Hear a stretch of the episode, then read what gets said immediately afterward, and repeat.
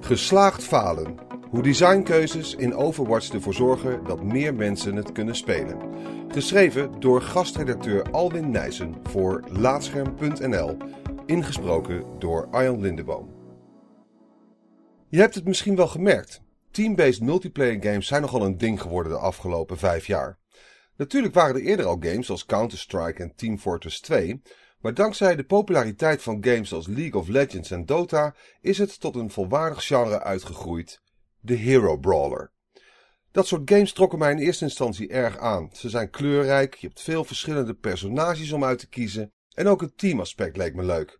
Ik hou van samenwerken en samenspelen. Helaas liep ik onmiddellijk tegen een blokkade aan. De combinatie van erg bang zijn om anderen teleur te stellen en een sterk aanwezige faalangst had tot gevolg dat ik al snel last kreeg van paniekaanvallen. Paniekaanvallen tijdens het gamen. Dat is zo'n beetje het tegenovergestelde van wat je wil bereiken met het spelen van een spel. En het is niet dat ik slecht tegen spannende games kan. Resident Evil is nog steeds een van mijn favoriete spellen ooit. Ik hou van de moeilijke, snelle vijanden in Bayonetta en ik geniet van de spannende gevechten in Horizon Zero Dawn. Maar zodra ik merk dat anderen last van me hebben, gaat het mis. Het was dan ook met gemengde gevoelens dat ik begon aan de Overwatch beta.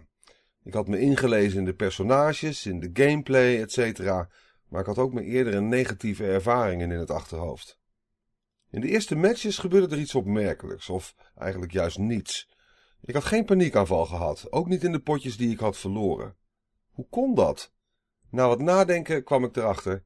Overwatch bleek voor mij dankzij wat kleine dingen een stuk toegankelijker. Ontwikkelaar Blizzard heeft best een aantal slimme keuzes gemaakt bij het ontwerpen van het spel. Dat merkte ik voor het eerst toen ik met Lucio speelde. Dit personage heeft een aura om zich heen dat teamgenoten langzaam geneest zodra ze in de buurt zijn. Ook voor zijn ultieme actie, medespelers een krachtig schild geven, moeten zij zich binnen dat bepaalde bereik bevinden om er gebruik van te maken. Maar wat blijkt? In het midden van het scherm staat een getal dat altijd aangeeft hoeveel mensen er in je aura staan. Daarnaast kan je als Lucio en elke andere healer ten alle tijden zien waar je teamgenoten zijn en hoeveel schade ze hebben opgelopen. Dat scheelt zoveel stress. Ook fijn aan Overwatch is dat je niet met teamgenoten hoeft te praten om effectief te communiceren. Je kan namelijk een toets indrukken om een menu te krijgen met een aantal uitspraken voor je personage, zoals Group up with me of I need healing. Dat zorgt ervoor dat je niet verplicht bent om de voice chat aan te zetten of tijdens een gevecht uitgebreid moet gaan lopen typen. Bovendien is Overwatch toegankelijk voor spelers die niet zo goed zijn in mikken. Toch wel een vereiste in de meeste andere schietspellen. In Overwatch is dat niet per se nodig. Het personage Symmetra kan bijvoorbeeld zes kleine laserkanonnetjes neerzetten die automatisch op tegenstanders schieten. En haar handwapen is een laser die vanzelf de tegenstanders volgt. En zo zijn er nog meer personages. Junkrat schiet granaten die in een radius schade doen.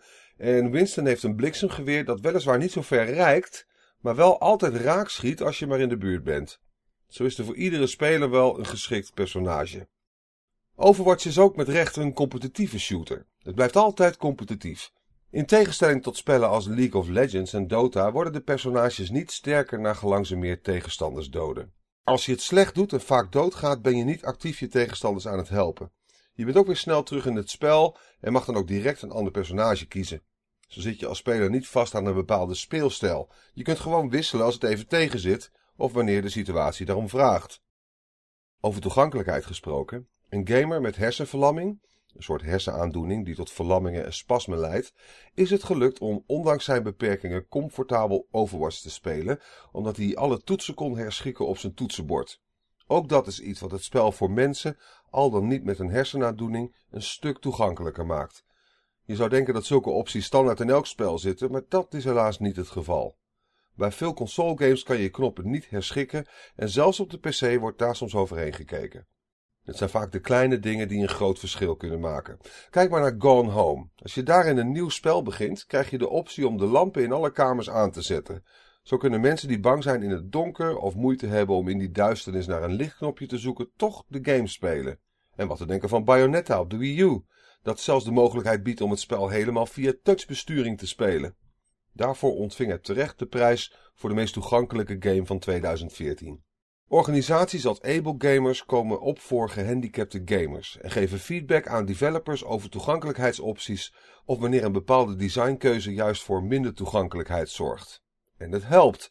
In bijvoorbeeld Mario Kart 8 Deluxe zijn er opties om je kart automatisch gas te laten geven en om niet uit de bocht te kunnen vliegen. Ik ben Blizzard dankbaar dat ze Overwatch zo toegankelijk hebben gemaakt. Daardoor kan ik en kunnen anderen er nu nog steeds van genieten. Meer toegankelijkheid zorgt voor meer mensen die games kunnen spelen, alleen of met elkaar. En daar worden we allemaal een stukje blijer van.